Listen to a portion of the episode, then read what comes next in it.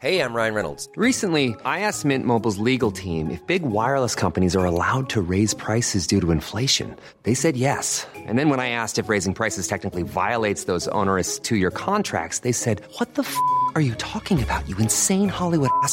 So to recap, we're cutting the price of Mint Unlimited from $30 a month to just $15 a month. Give it a try at mintmobile.com slash switch. $45 up front for three months plus taxes and fees. Promo rate for new customers for limited time. Unlimited more than 40 gigabytes per month. Slows. Full terms at mintmobile.com.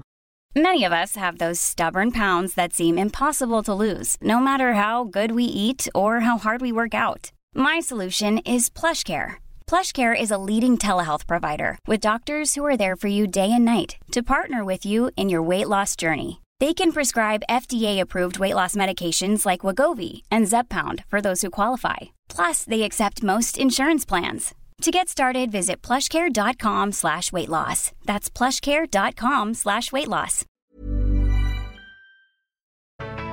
Hej kära Snacka snyggt-lyssnare! Hoppas att du mår bra och kul att ha dig tillbaka här i kommunikationsdjungeln.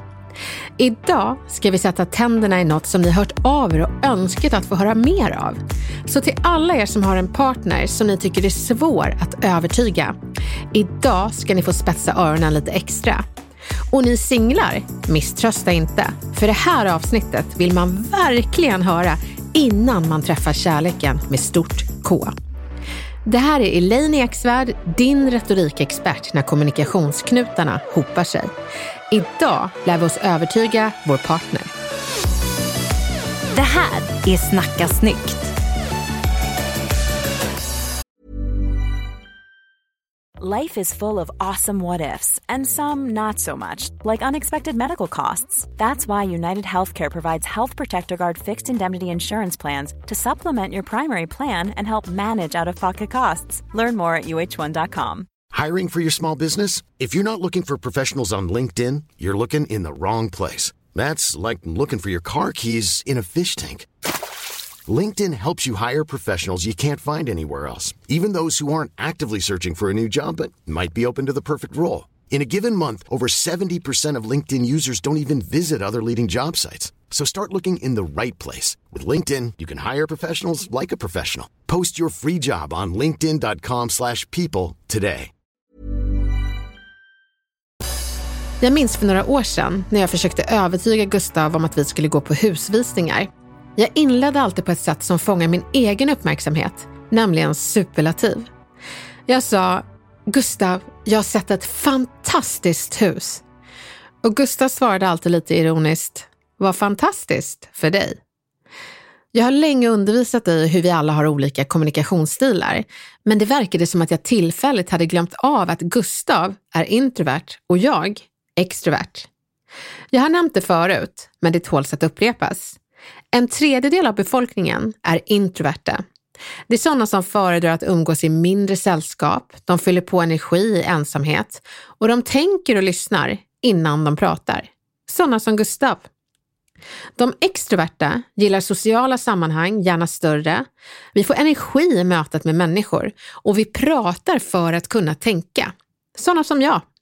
Jag körde ju den extroverta metoden mot Gustav och den gick sådär.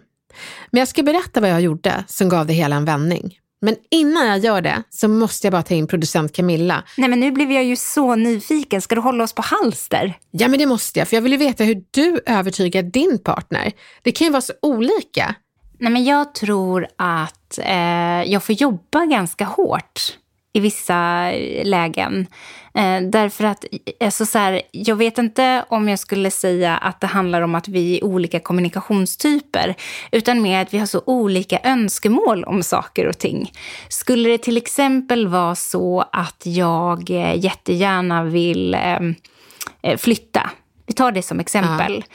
Eh, då får jag jobba ganska länge och ganska hårt på det för att min man är liksom nöjd med läget. Och han anser att jag alltid någonstans letar efter någon form av förändring eller förbättring.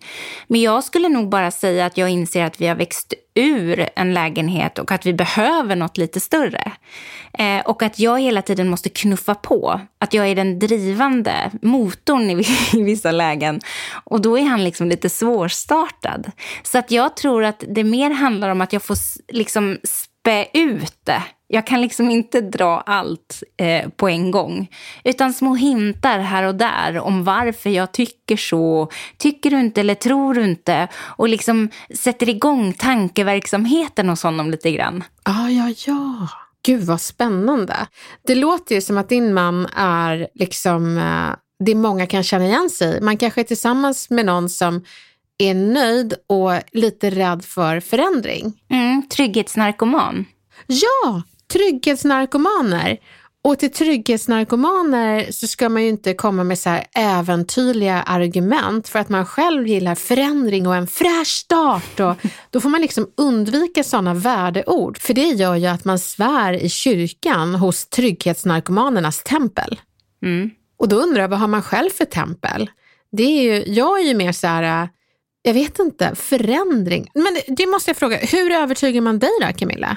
Hur ser ditt tempel ut? Vad, vad behöver man säga för att övertyga dig? Nej, men jag vet att min man är ganska bra på att övertyga mig om saker där jag verkligen behöver bli övertygad. Och det, jag gissar att det är därför vi passar så bra ihop. Vi kompletterar varandra på det sättet. Men han gör det ju handgripligen. Alltså till exempel genom att sätta mig framför datorn tillsammans med honom och visa eh, och förklara varför det här är, är en, en bra sak.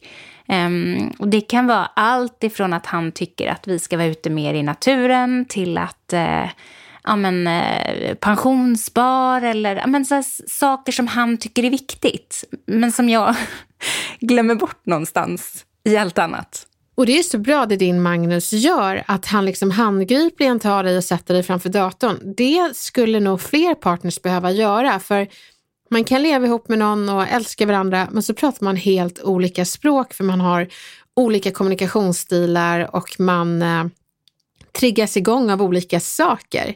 Så eh, ja, nej men det, det, det är jättespännande. Men ska jag berätta då vad jag gjorde till Gustav?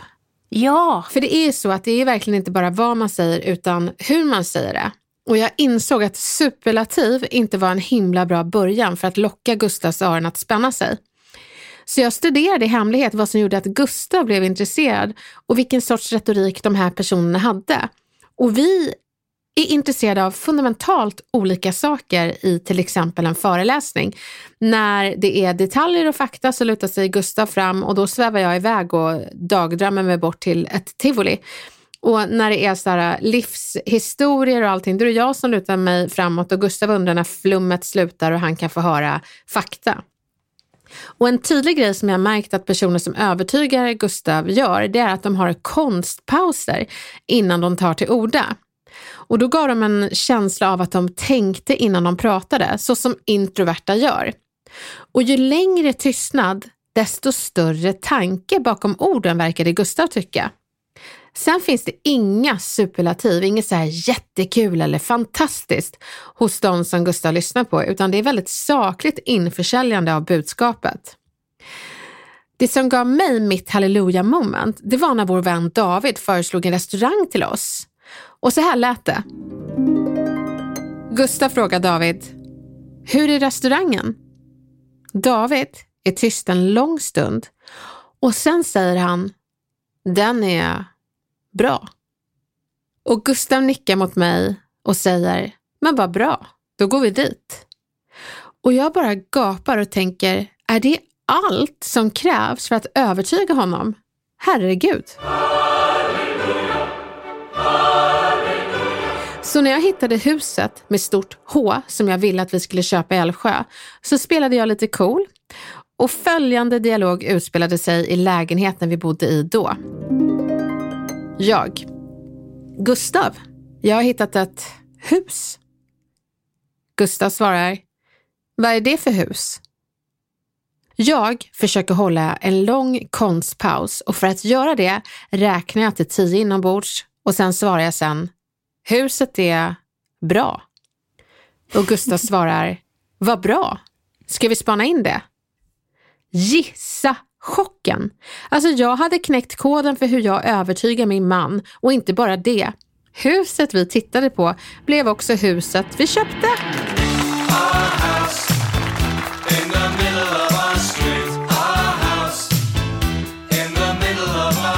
Det är det vi bor i idag. Så det kan faktiskt vara värt att lägga lite tid på att analysera vad som gör att din partner blir övertygad. Men, men det tåls också att upprepas att introverta personer som är tillsammans med extroverta, ni behöver svara lite snabbare och spontanare för att vi glömmer bort att vi har ställt en fråga ibland och så börjar ni prata och man undrar, men vad pratar du om? Ja, jag svarar på din fråga. Jaha, den som jag ställde förra året känner jag. För vi svarar ju så snabbt. Men eh, ja, vi, vi extroverta behöver bromsa och ni introverta behöver gasa lite. Men ni ambiverta, ni har ju perfekt hastighet.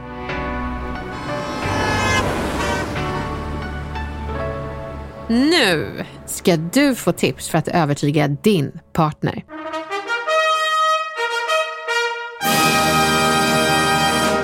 Släpp inställningen att det är omöjligt att övertyga din partner, utan ta istället till dig nyfikenheten på vad som har övertygat partnern hittills. Och inte bara det, studera hur de här personerna gör för att få din partner övertygad. Fråga din partner vad som gör henne övertygad. Alltså jag frågade Gustav och han sa väldigt intressanta saker. Han sa att superlativ aldrig får vara inledningen, men det får gärna vara slutklämmen efter bra argument. Jag har inget emot superlativ, säger Gustav. De är bara fåniga när de står utan sällskap. Alltså det här är så värt att upprepas för oss extroverta. Superlativ ska alltid stå i sällskap av argument, aldrig själva. Särskilt när du ska övertyga din introverta partner. Så börja inte med fantastiskt hus utan berätta att det är 250 kvadratmeter, 1000 kvadratmeter tomt i Stockholm. Det är fantastiskt. Argumentera för vinningen för din partner, inte bara vinningen för dig själv. Ha en någorlunda balans däremellan, för om du bara argumenterar för dig själv så framstår du som något egoistisk. Om du bara argumenterar för partnern så kan han undra vad som är haken. Och du kanske inte har en hake. Men lyft då fram att hen förtjänar exempelvis time off från familjen och du vill kanske ha lite kvalitetstid med barnen eller bara själv. Förhandla. Ibland behöver man påminna partnern vad hen gjort tidigare och att det därför är din tur nu. Men det är viktigt att du inte gör det anklagande utan lite mer by the way-metoden. Så här. By the way, det lät så roligt när du var ute med polarna förra veckan så jag tänkte att jag gör samma sak nästa vecka med mina. Fungerar det för dig? Det är viktigt att förhandla, för det finns ju de som tappar känsla för hur mycket frihet de ger sig själva, men inte låter partnern vila från vardagen och träffa vänner. Lyssna på Snacka Snyggs poddavsnitt Konsten att övertyga och gör det för att få en riktigt vass argumentation. Men kom ihåg, det är för er som vill bli proffs på det här. Unna din partner glädje. När du har gjort något för din partner, så håll inte ett höttande finger mot hen, utan en tummen upp. Skapa inte skuldkänslor för att du lät personen festa loss med kompisar. Håll inte det du har gett emot dem. För då är det inte att ge något. Jo, du ger skuldkänslor. Så kör istället metoden “jag är glad när du blir glad”. Då kommer det vara mycket svårare att neka dig samma glädje tillbaka. Karma is beautiful.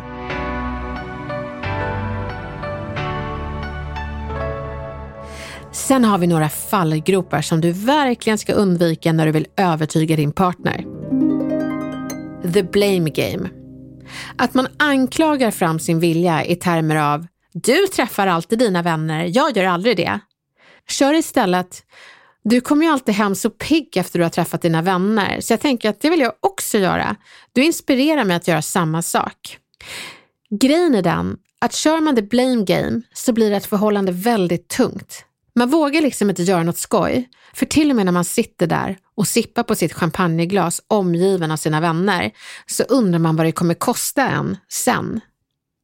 Unna din partner att njuta och håll dig aldrig emot henne sen. Camilla, du ska få testa the blame game. Är du med? Yes, jag är med. Nu är vi tillsammans. Du ska vara min flickvän. Är du med? Jag är med. Då kör vi. Är det okej okay om jag träffar tjejerna på lördag? Alltså, ja. Jag har så mycket på jobbet, jag orkar inte ta barnen. Men du var ju ute förra helgen. Och helgen innan det. Jo, Camilla. Men det var jag för att jag skulle ha energi för att jobba in alla pengar jag har gjort för vår familj. Okej, suck. Hur kändes det då? Nej, men jag ser bara den här lördagen fladdra förbi eh, och eh, någon, något häng med tjejerna lär det ju inte bli. Och så känner jag bara så här, vadå eh, jobba ihop alla pengar och det blir bara jättetråkigt. Det gör ju också att jag känner mig i enormt underläge. Ja, för förstår du det att då om, om det finns partners som använder sådana här argument, då betyder det att desto mer hen tjänar, desto mindre frihet får du. Så pengaargumentet för att inskränka någons rätt till lite tid med kompisar och må bra, det är ju fruktansvärt. Vi tar en version till då. Är det okej okay om jag träffar tjejerna på lördag? Alltså, men jag har så mycket på jobbet, jag orkar inte ta barnen. När passar det istället då? På söndag? Hur kändes det här Camilla? Mm, det var ju inte superpepp, men det fanns ju en öppning helt plötsligt. Men det är också bra att du inte stannar vid återvändsgränden, den verbala återvändsgränden som jag gav dig. Att jag sa, jag har så mycket på jobbet, jag orkar inte ta barnen. Då säger inte du, jag hopp vad tråkigt och dra på dig martyrmanteln, utan du hittar andra vägar genom att ställa frågan, när passar det istället? För det måste ju passa någon gång. Fler saker att undvika, det är tjatmaraton. Det finns ett släkte som tror att bara jag säger saker tillräckligt många gånger så kommer min partner böna och be mig att göra det jag vill, bara hen slipper mitt tjat. Men det är inte att övertyga, det är att övertala. Skillnaden mellan övertyga och övertala är att övertyga är att personen till slut delar din åsikt. Övertala är att personen gör som du vill mot sin egen vilja.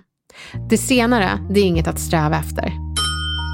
Snälla, snälla, snälla, snälla. Jag ber dig snälla, snälla, snälla, snälla.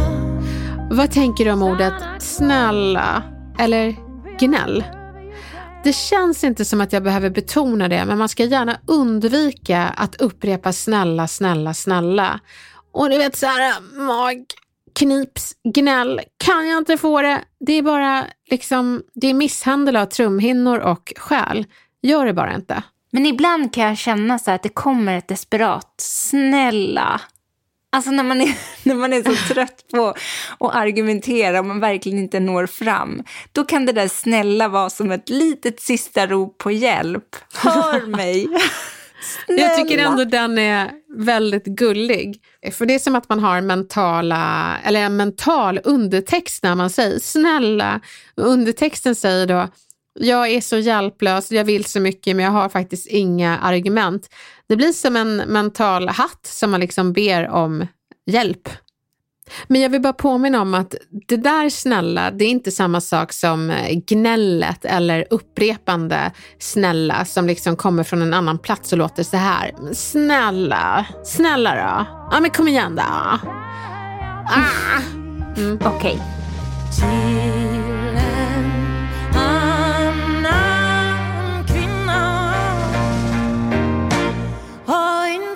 till mig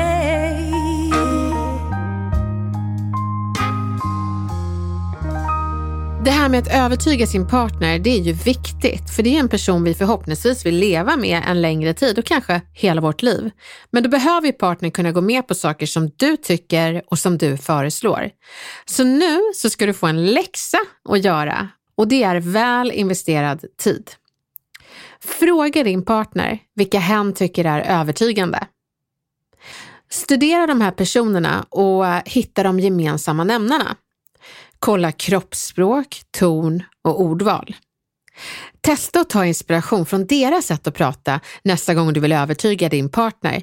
Men gör det på ett sätt att din partner inte skräms iväg för att du har blivit en reinkarnation av Martin Luther King. Jag har en dröm om att du och jag ska äta middag på den här restaurangen. Man kan ju bli skrämd för mindre.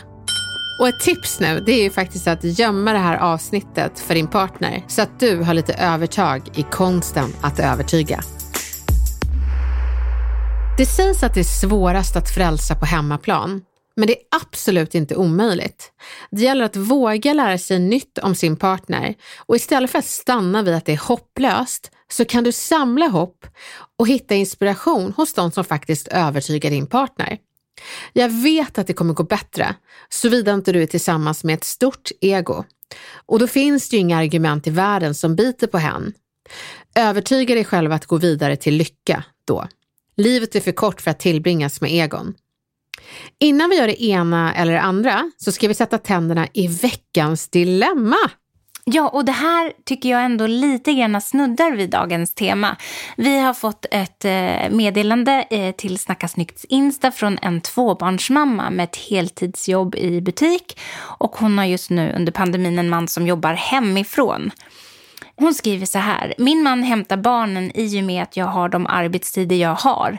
Men när jag kommer hem så börjar nästa arbetspass med matlagning, tvätt, läxor, bada, natta. Ja, du fattar. När jag är hemma med barnen, då tar jag även hand om huset. Men min man, han har tydligen inte tid med det, för det är viktigare att vara med barnen istället. Och jag tycker inte riktigt att det ena utesluter det andra. Att mötas av ett hem i kaos gör mig ganska tokig och mitt humör blir därefter.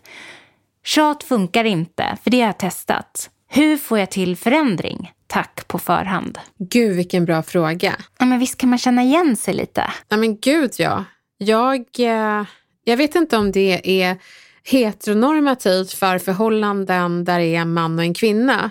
Men jag märker att mina tjejkompisar som är i relation med en man eh, oftast förargas av samma saker som jag gör. Som till exempel när återvinningssoporna, kartonger och allt det där bara växer och växer och man ser ens man gå förbi det och de har liksom inte, ser inte du det? Hur kan du gå förbi? Varför tar du inte med den där påsen? Man förstår inte hur det kan gå dem förbi. Det är som att man har någon sorts tunnelseende på saker som ska göras. Så man ser inte allting som man kan göra på vägen till det som kan göras. Alltså, om jag går över vardagsrumsgolvet och ser tre strumpor ligga där, då kan jag ju ta med dem på vägen till tvättkorgen istället för att kliva över dem. Det är sådana där små saker som man kan eh, sitta och irritera sig på. Att, och att man kommer hem från jobbet. Jag, jag, tror faktiskt att jag har berättat det någon gång Camilla, när jag kom hem från Göteborg och det var... Mm, det var så stökigt i hallen så du liksom såg svart. Men eh, Gustav hade ju lagat din favoritmiddag istället för att städa hallen. Jag missade det. Så, så då hade jag ju det här tunnelseendet. Så att jag tror också att man kan ha ett tunnelseende på allt som behöver städas. Så ser man inte allt som redan har gjorts. Som till exempel barnen är mätta och glada på gott humör och de ville leka direkt efter maten istället för att man skulle plocka med disken. Men jag tycker precis som du som frågat, det ena utesluter ju inte det andra. Så varför kan man inte dels säga till barnen, jag vill jättegärna leka med er när vi har städat upp i köket. Bara en sån sak. Det är så enkelt, då skapar man en sorts moral. Det den här mannen säger det är att han tycker det är viktigare att vara med barnen. Det han gör då är att han skapar ett falskt dilemma. Antingen städar man eller är med barnen. Och det är så roligt att du som frågar genomskådade det.